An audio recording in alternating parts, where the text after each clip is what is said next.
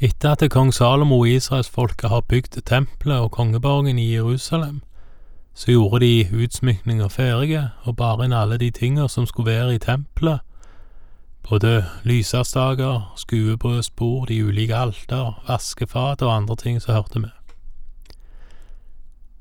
Det siste som ble gjort som en innvielse, var å bære inn Herrens pakkkiste, der buda Moses fikk på Sinai-fjellet, lå oppi.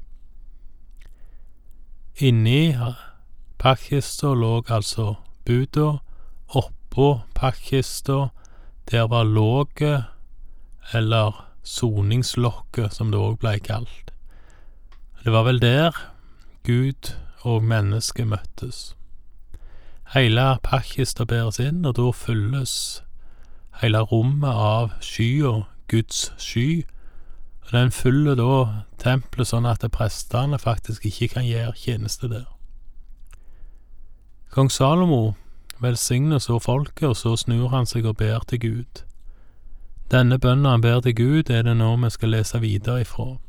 Vi leser ifra første kongebok, kapittel åtte, vers 35 når himmelen lukkes, så det ikke kommer regn fordi de har syndet mot deg, men de så ber til deg, vent mot dette stedet, priser ditt navn og vender om fra sin synd fordi du har ydmyket dem. Da må du høre det i himmelen, og tilgi den synd som din tjener og ditt folk Israel har gjort. For du lærer dem den gode veien de skal gå. Send da regn over landet ditt, som du har gitt ditt folk til odel og eie.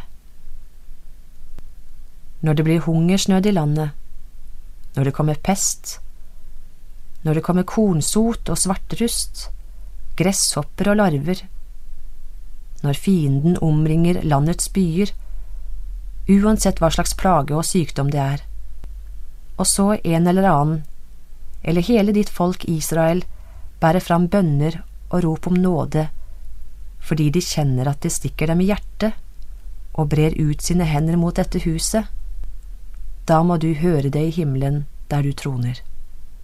Tilgi, grip inn, og gi enhver igjen etter hans ferd, du som kjenner hans hjerte. For du er den eneste som kjenner alle menneskers hjerte. Så skal de frykte deg alle de dager de lever i landet du ga våre fedre. Det kan også hende at fremmede, som ikke hører til ditt folk Israel, kommer fra et land langt borte for ditt navns skyld. For de skal få høre om ditt store navn, din sterke hånd og din utstrakte arm. Når de så kommer og ber, vent mot dette huset. Da må du høre dem i himmelen der du troner, og gjøre alt det de roper til deg om. Slik skal alle folk på jorden lære navnet ditt å kjenne, og de skal frykte deg slik ditt folk Israel gjør, og vite at navnet ditt er nevnt over dette huset som jeg har bygd.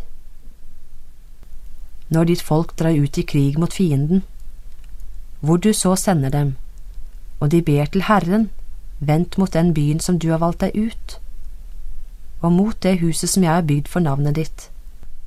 Da må du i himmelen høre deres bønner og påkallelser, og hjelpe dem til deres rett. Når folket synder mot deg, for det finnes ikke noe menneske som ikke synder, så blir du harm på dem og overgir dem til fienden, som fører dem i fangenskap, til fiendeland, fjernt eller nær.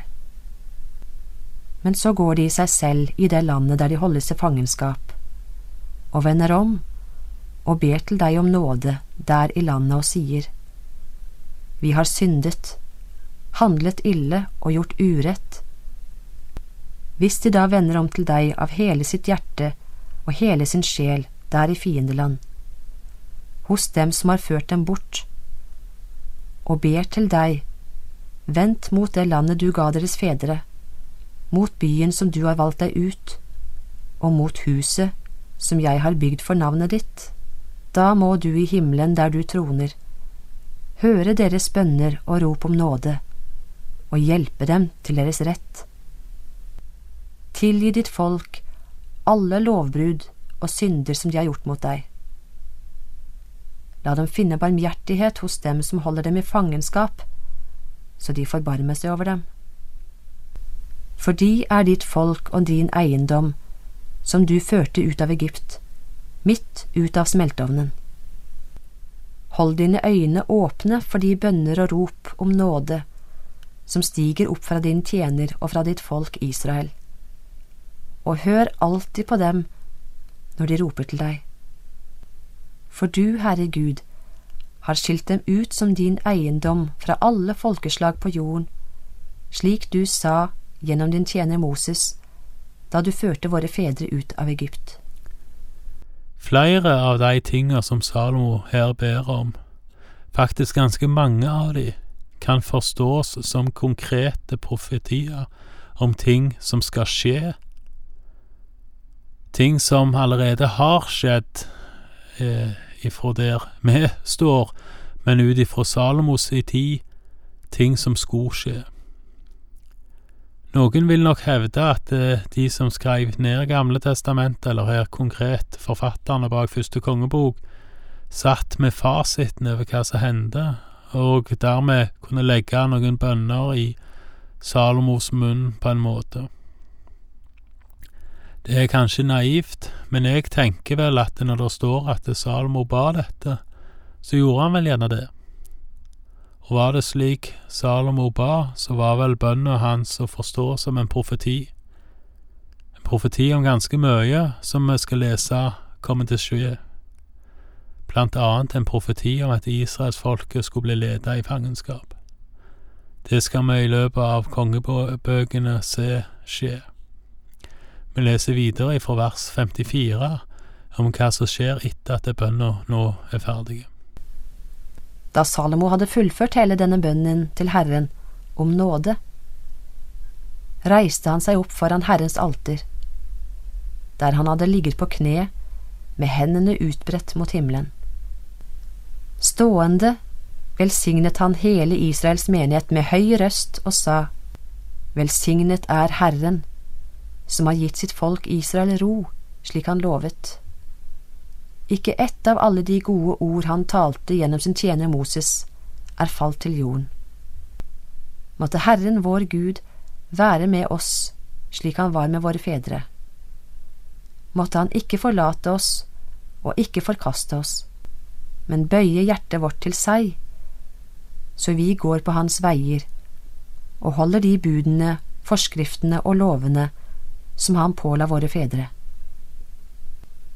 Måtte disse mine ord som jeg har bedt for Herrens ansikt, være nær Herren vår Gud dag og natt, så han hjelper sin tjener og sitt folk Israel til den rett de trenger, dag for dag.